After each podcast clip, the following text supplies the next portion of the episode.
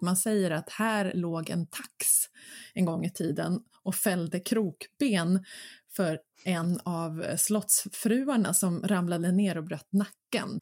Återigen skiftas energi.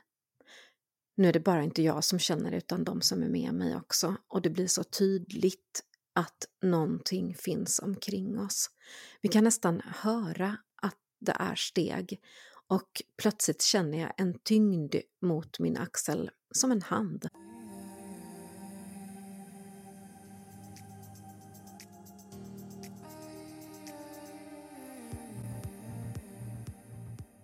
Hej kära lyssnare! Idag pratar vi spöken och andar på Mörby slottsruin. Jag heter Eva Dannecker. Och jag heter Tanja Dyredand och välkommen älskade lyssnare till Magipodden nummer sju.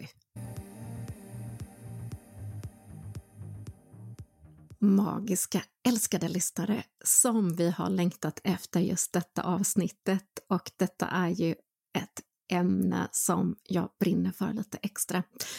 Andar, spöken och spökslott faktiskt. Eller vad, vad säger du Eva? Är du också lite nyfiken på spökerier på olika ställen? Ja, jag tycker det är jättespännande. Och just Mörby slottsruin ligger mig väldigt varmt om hjärtat för det är mitt, eh, mitt eh, hem, hemslott tänkte jag säga. Mina hemtrakter. Eh, där var jag väldigt mycket som barn och sprang runt och, och lekte och busade och upplevde en massa spännande saker. Jag ser så mycket fram emot att höra om alla dessa härliga upplevelser. Och innan vi delar med oss av alla upplevelser så tänkte jag berätta lite om historiken kring denna spännande slott. Mörby slott är faktiskt markerat som ett riktigt spökhus sedan 1800-talet i eh, våra historieböcker. Och här finns det gott om skrönor om vålnader och andar som går igen. Man ska kunna se Vita frun, Blå jungfrun, munken, svartklädda damen och faktiskt djävulen själv. Otroligt spännande att uppleva den här platsen. Och jag som certifierat medium sedan många år är ju van vid det mesta. Från att rensa hus och uppleva saker som andra kallar för paranormala eller övernaturliga. Så de här upplevelserna här är verkligen väldigt genuina. Rent historiskt så börjar man prata om Mörby redan i mitten, slutet av 1300-talet. Och då fanns det en timrad sätersgård och man säger också att självaste vikingahövdingen och riddaren Myre var med och byggde det här slottet och faktiskt gick i eh, kompiskap med djävulen för att få igång det här. Sen har det ägts utav tyska adelsmannen Henrik Dammerov och i slutet av 1400-talet så tog släkten Oxenstierna över och byggde om detta till ett vackert renässansslott. Här höll man hov och hade fester och bland annat 1584 så fanns det någonting som kallades en ringdans som hette Mörbyleken. Och det här har man pratat om i flera århundraden efteråt, där härskap och tjänstefolk dansade, vilket var väldigt ovanligt. Vad tror du om det, Eva? Ja, jag kan riktigt se framför mig hur de dansade just i Mörby, alltså i ruinen eller på, på slottet som det då var. Eh, hur roligt de måste haft eh, och vilka härliga fester och vad mycket som måste ha hänt där mellan väggarna på det här vackra, vackra slottet. Exakt, precis så tänkte jag också. Och tydligen då så var den störst och mest praktfull i mitten 1600-talet då det fanns ett orangeri, ett slottsträdgård och utbyggnader. Kan du förstå den här prakten? Ja, alltså jag tycker faktiskt att även om det är idag en, en, en ruin så, så ser man och känner man hur den har varit enormt stor och praktfull och eh, fylld av liv och glädje och fest och dans och romantik och dramatik. Man riktigt känner det när man liksom rör sig där. Ja, eller hur?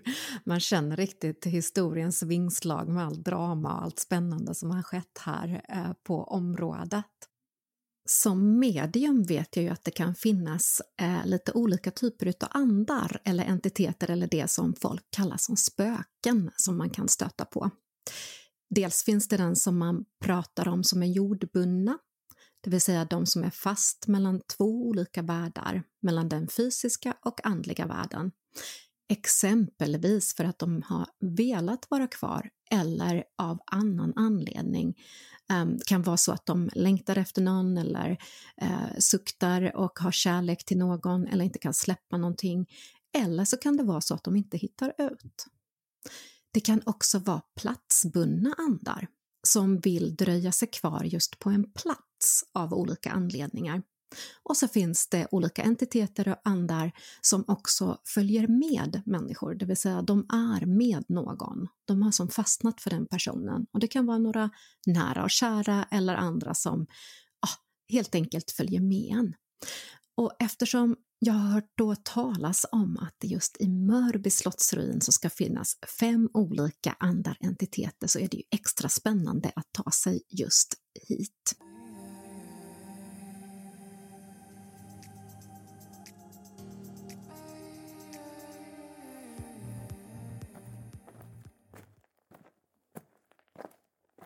Solen står som högst när jag börjar vandra upp till denna Mörby slottsruin.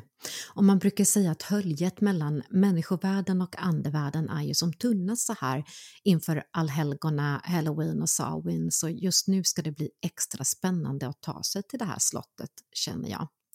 Att ta sig hit är ett litet äventyr i sig. Då den ligger på privat mark så kan man bara ta sig hit ifrån en liten stig ut med en åker och lite kostängslar och saker ifrån Fasternas kyrka. Och här går jag på gräs och åker en snitslad gång. Och bara när man börjar närma sig den här slottsruinen så får man lite granna den här känslan utav historiska vingslag. Det är ju faktiskt en medeltida borg men även har varit ett renässansslott. Och jag har fått tips ifrån lyssnare Anders om att det ska finnas en hemlig gång eh, upp till själva slottsruinen genom en ganska snårig väg. Så när jag väl börjar närma mig slottet så letar jag efter detta. Enligt historierna så ska det även finnas underjordiska gångar och dörrar in till dessa och Myres guldskatt ska tydligen finnas här någonstans men den ser jag inte alls utan jag försöker bara som gå genom snåret och sätta en fot framför den andra för att hitta fram till det här spännande slottsruinen. Och nu när jag börjar närma mig eh, själva eh, slottsbyggnaden så är det en liten strapats. Det är en ganska brant backe. Jag är glad att jag tog med mig pannlampan idag faktiskt därför att nu när solen har gått i moln så blir det lite mörkt och murrigt här.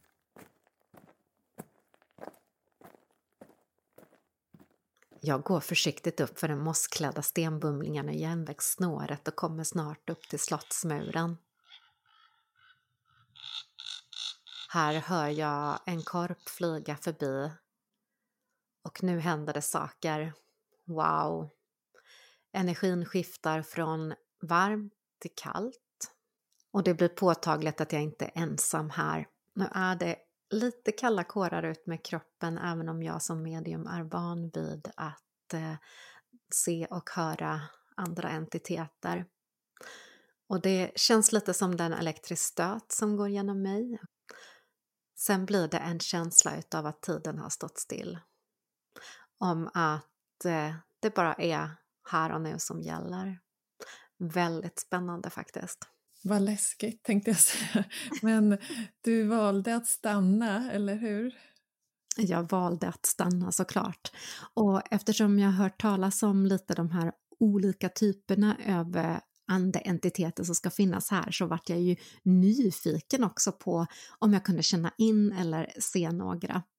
Men innan jag berättar mer om vad jag upplevde och kände så är jag ju så nyfiken på dig Eva eftersom du har spenderat din barndom här. Wow! Ja, wow tänker jag också. Berätta. Ja, nej, men jag blev så glad när vi började prata om olika magiska platser att besöka så kände jag men Mörby, det är ju fantastiskt liksom. Det, jag har nog fått med mig väldigt mycket från den här slottsruinen utan att egentligen förstå det. Eh, och ehm, idag kan jag tycka att det är väldigt ehm, spännande och jag kan känna mig lite privilegierad för att eh, när jag var barn och eh, i tidig tonår så var ju ruinen öppen. Ja, det, har hänt väldigt mycket spännande saker i den här ruinen.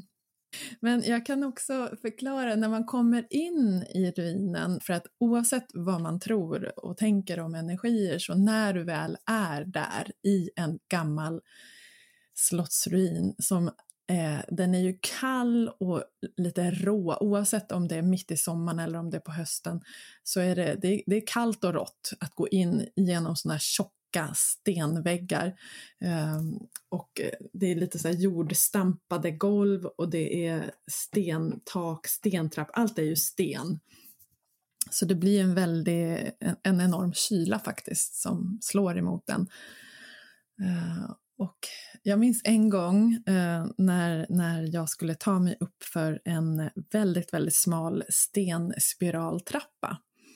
Och mitt i den här trappan så är det en, eh, vad ska man säga, det, det, är ett trappsteg som är lite för stort och lite för tjockt. Man säger att här låg en tax en gång i tiden och fällde krokben för en av slottsfruarna som ramlade ner och bröt nacken. Så att när man klättrar upp för den där vindlande, smala, jättesmala trappan så, så för det första så vill man gärna känna den där hunden, det hundsteget, var ligger hunden? Eh, så du får nästan känna det fram med fötterna plus att du kanske, jag tycker inte så mycket om spindlar. så att man känner att man, på ett sätt vill man, man ha alla tentakler ute samtidigt som du inte vill känna så, så känner du allt. Mm. Uh, men just att man, det, där börjar själva äventyret, att ta sig upp trappan och sen så finns det ett enormt stort vackert rum med en, en, en stjärna i taket. Den sprider sig ut från mitten ut mot kanterna. Och taket wow. är liksom välvt och eh, stjärnan är, är, ju då i 3D så att säga, den kommer ju ut och allt är i sten. Eh, och i det där rummet, där inne var det väldigt häftigt att vara. Eh, man kunde liksom sätta sig i någon av rummets hörn, alltså det var inte helt jämnt fyrkantigt utan det var, det var liksom oregelbunden form. Och det gick att eh, ta sig till utkanten av rummet och då utan att bli sedd av de som eventuellt hittade dit. Så det var, väldigt, det var mitt favoritställe att vara på. Att man liksom sätter sig och, och bara smälter in i väggarna på något skumt sätt. Och det låter jättevackert. Det skulle vara så intressant att veta vad man använde just det här rummet till. Om det var middagar, dans, astrologer, magiker eller seanser som hölls där. Precis. Jag kan tänka mig att eh, den här, eh, det sägs ju att det var den här vikingahövdingen Myre som på 1400-talet började bygga eh, slottet lite grann. Och eh, jag, kan, jag kan bara se de sitta där och ha lite råd liksom kring, runt ett runt stort bord. Och, alltså det är väldigt mycket manlig energi där inne. Det, det är väldigt, väldigt tjockt, stort, tungt.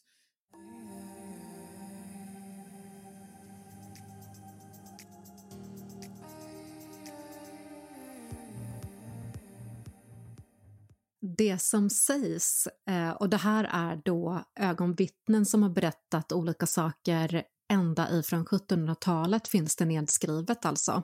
Ögonvittnen som berättar om olika spökerier och andeentiteter och så har man byggt på det här. Så det finns väldigt mycket dokumenterat härifrån. Eh, och det är även väldigt många andra medier och tv och filmer och så vidare som har varit på plats och känt in då. Men man brukar prata då om fem olika andeentiteter som är lite mer framträdande här då. Och eh, just på Mörby slottsruin så är det ju fler som har sett de här genom alla åren och dels har vi då Vita frun.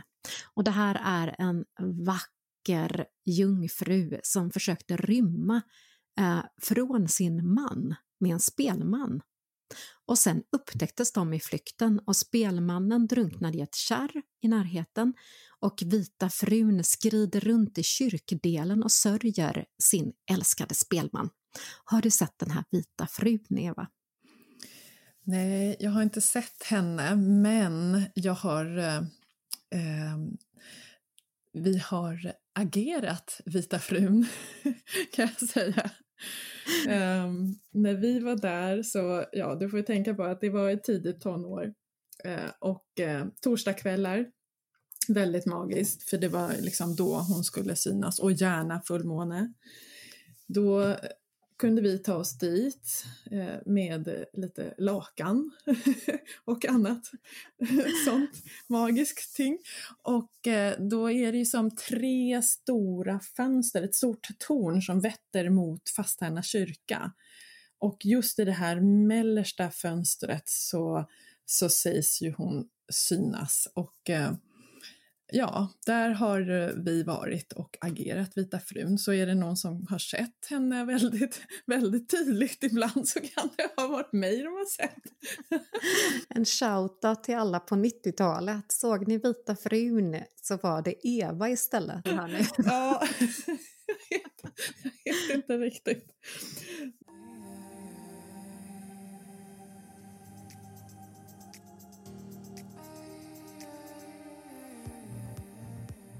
Och förutom Vita frun så har det även synts en svartklädd kvinna som är en kvinna som drabbades av olycklig kärlek och som syns här och då och då i slottets omgivningar.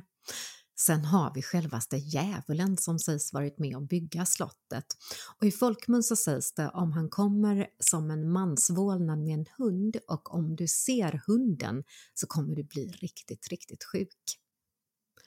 Sedan har vi den blå jungfrun som sägs synas i vakttornet och hon var en orientalisk prinsessa som blev bortrövad utav elaka riddare Myre som sedan utav svartsjuka dödar prinsessan och går sen själv i kloster för att göra bot. Man har även sett en munk och eh, det sägs att det är Myre då som ångrar dådet på prinsessan och därför så är han då den här munken som syns på plats. Har du känt någon av de här andra entiteterna? Nej, jag kan inte säga att jag har känt dem, men, men de har ju varit högst eh, levande på sitt sätt ändå. För när man, när man är där så, så, så ser du och hör du och känner du saker som du inte riktigt kan förklara. Men eftersom jag känner till historien runt omkring och jag känner till alla de här spökena som, som finns där så så ville jag tro att eh, kanske skulle kunna förklara riktigt vad det är jag sett och på vilket sätt de har visat sig. Den här stora svarta hunden till exempel, den har ju setts väldigt mycket där uppe kan jag säga. Men jag har inte blivit allvarligt sjuk. Vad skönt. Ja. det tackar vi för mm. även i framtiden. Ja.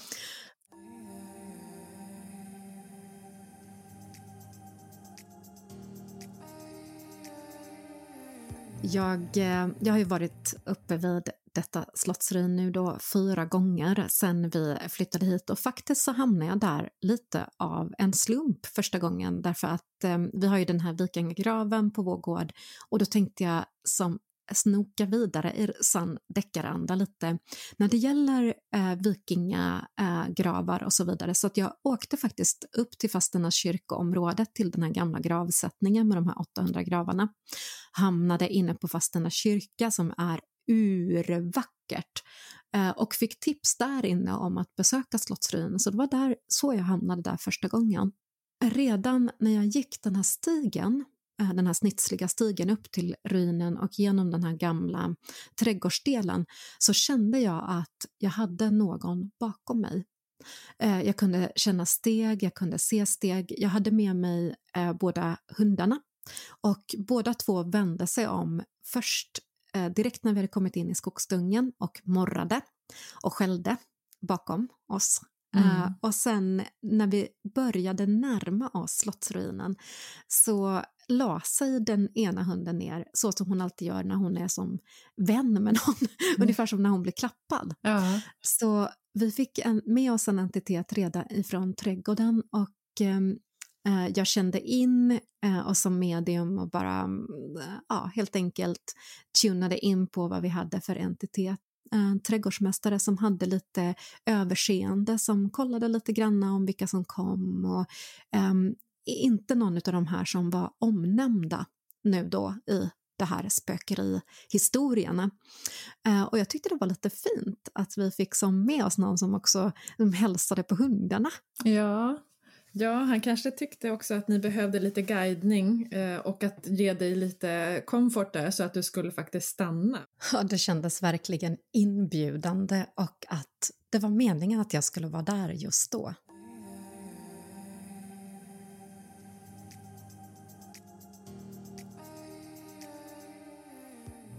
Det kändes inbjudande och spännande på en och samma gång.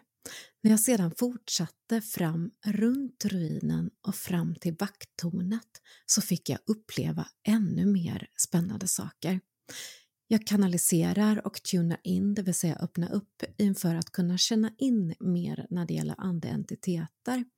Så kan det komma ibland värme eller kyra eller likt pirr, ungefär som sockerdricka eller att luften runt den kan kännas lite tyngre eller lite tätare närmare kroppen.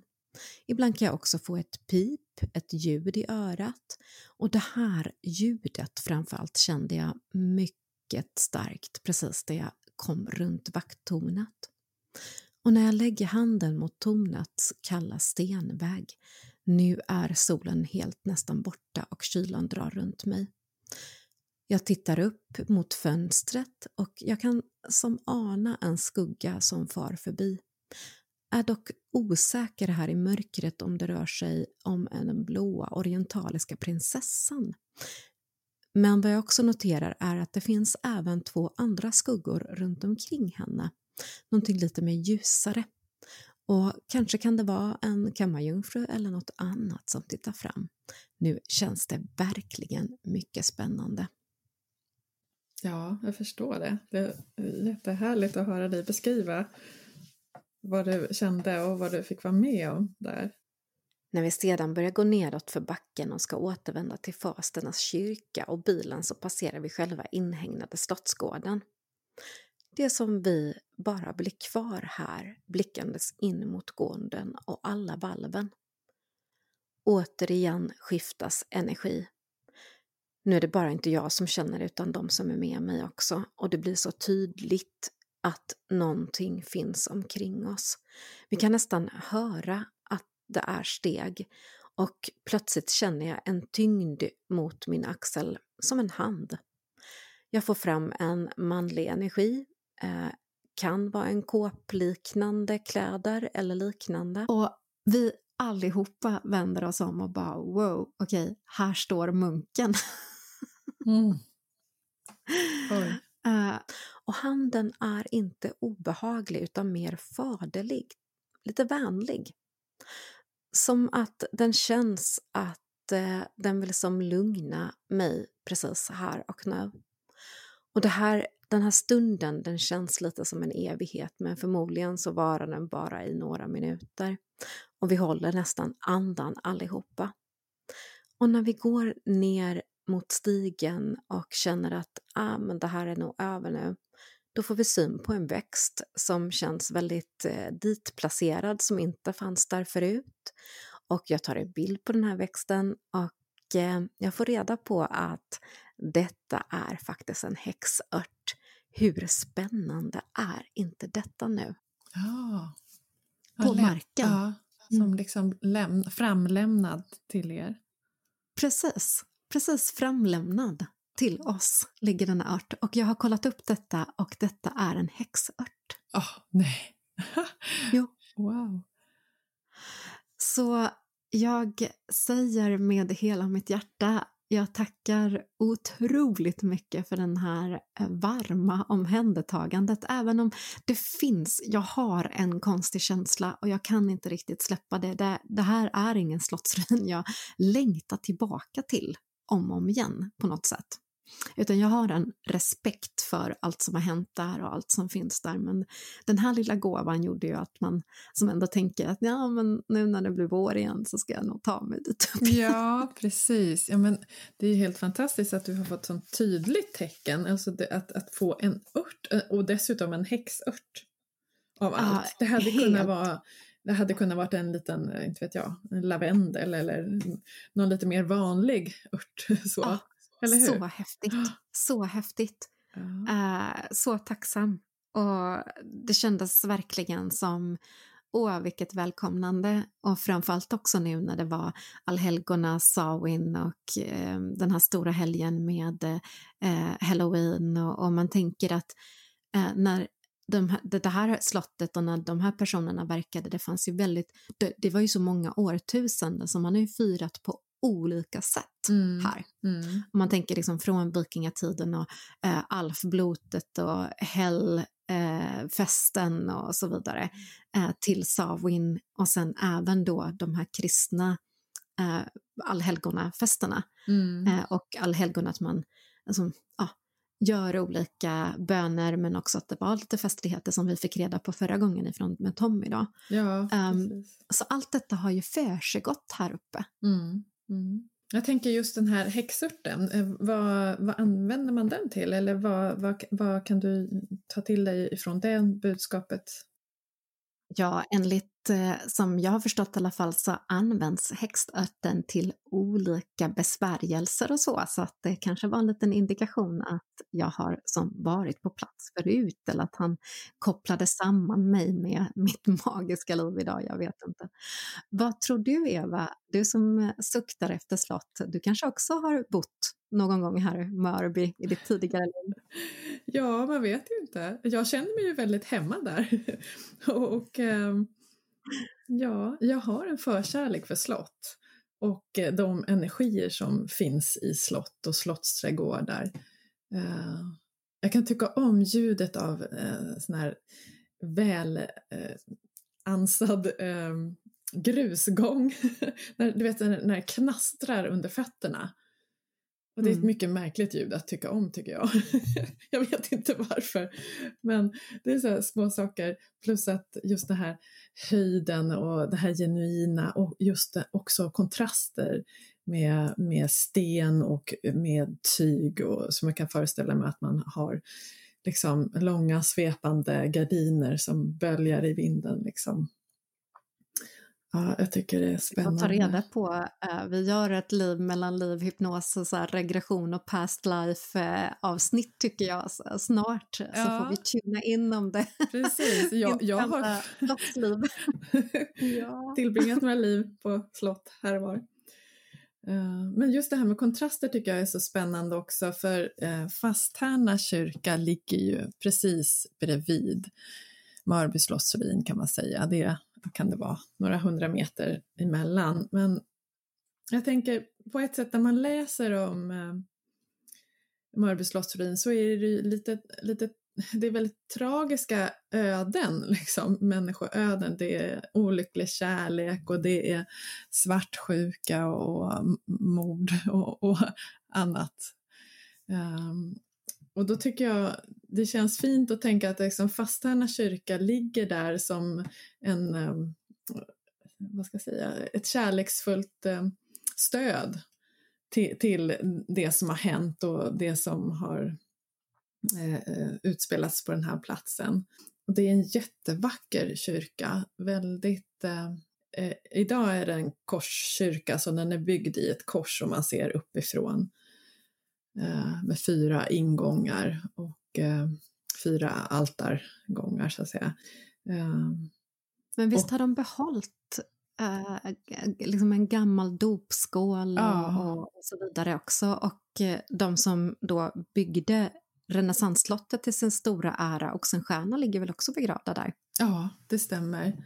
Alltså, man kan tänka, det, här, det är ju alltså en medeltida kyrka med gammalt, alltså sakristian och vapenhuset och allting finns ju kvar. Och just det här som du säger, den här graven för familjen Oxenstierna. Eh, när man kommer in i kyrkan, jag har ju konfirmerats i Fasthärna kyrka. Oh. Så vi har liksom, jag har ju varit där en del och när man står framme vid altaret så, så har du alltså en, eh, Eh, en grav och det, den, är, den är i sten och du ser som två stenmänniskor som ligger i golvet. De har ändå gjort det väldigt så påtagligt att här är graven på ett väldigt eh, annorlunda sätt, eh, för mig annorlunda sätt. Eh, så, så det kändes alltid lite så här eh, eh speciellt. När jag var där så tänkte jag på de här sarkofagerna som finns i Egypten. Ja. Och, alltså jag får lite den här liksom, gammaldagsa känslan. Det känns som att man inte bara är i Sverige längre. Nej, precis. Nej, men, det, det var ju bra att du tog upp Egypten, för det, det ser verkligen ut så. Och jag tänker också, jag menar, eh, Myre var ju vikinga och vikingen var ju iväg och reste och fick massa nya intryck och kom med massa nya eh, spännande idéer och jag får lite den vibben mm. överhuvudtaget. Att det finns lite den här, eh, både Sydfrankrike och, och alltså verkligen ner mot kontinenten och jag menar eh, hela Konstantinopel var ju, det, det fördes ju ganska mycket eh, handel och så vidare med, med vikingalederna ända dit ner. Mm. Och vi härifrån Roslagen framför allt som var väldigt eh, vikingaresande ja. mot hela öster faktiskt. Precis. Så det skulle vara spännande att höra, eh, men det får vi också titta på. Vi, vi har massa nya uppslag. Fler avsnitt. ja, följetong här. Det får bli cliffhangers på detta. Och är du i krokarna så ta dig gärna dit ut. Kolla också såklart öppettider eftersom det här ligger på privat mark och passa på att njuta också av Fasterna kyrka och de här gamla vikingagravsättningarna då. Ja, ja, det är fantastiskt. Det är en jättefin utflykt att göra. Och vem vet vad du kommer att få med dig. Det är liksom att vara öppen för tecken och symboler när du är där.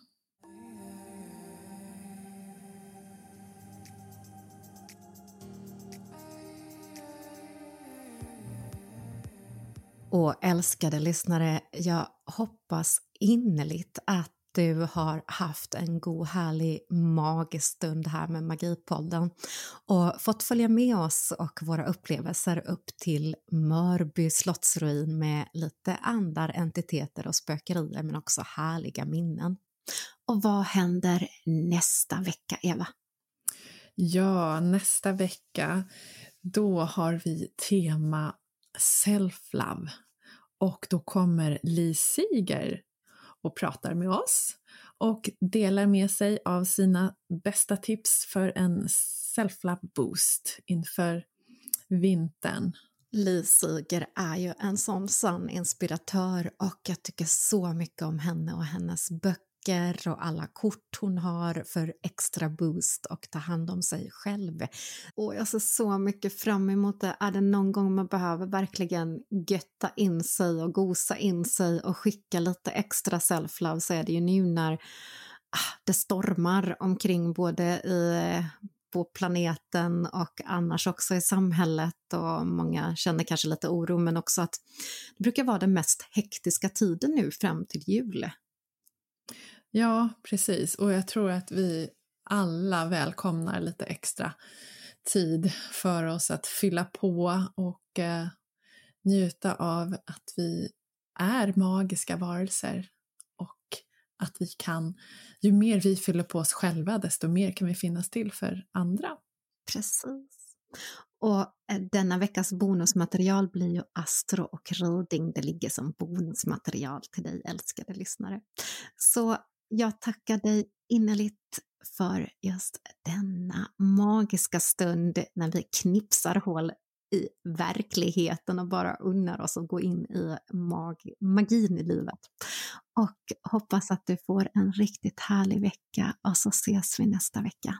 Och kära lyssnare, jag säger också stort varmt tack för idag och eh, vi avslutar med en meditation och så hörs vi igen nästa vecka. Ha det bra! Kram, kram! Hej då! Hej, hej! Kram, kram! Woop, woop.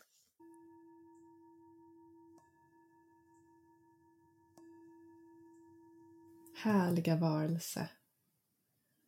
Slut dina ögon och sätt dig bekvämt.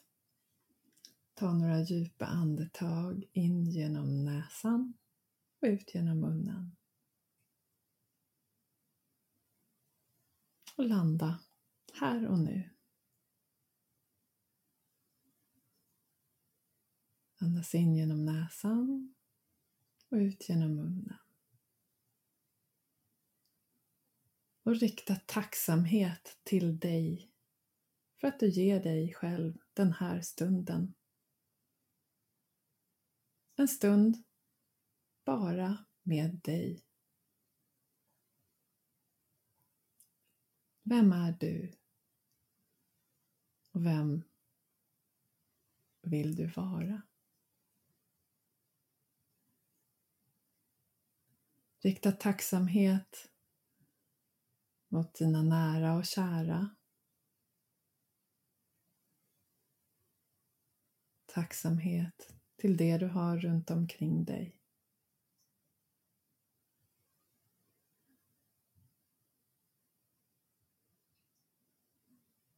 Låt tacksamheten få sprida sig i hela din kropp. Och känn hur du fyller dina celler med tacksamhet och kärlek.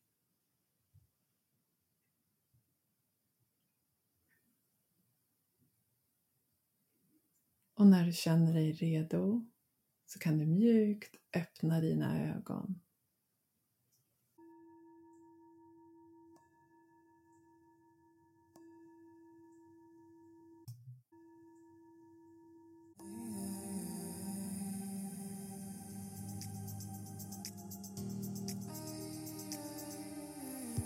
Du har lyssnat på Magipodden med Tanja Dyrdan och Eva Dannecker.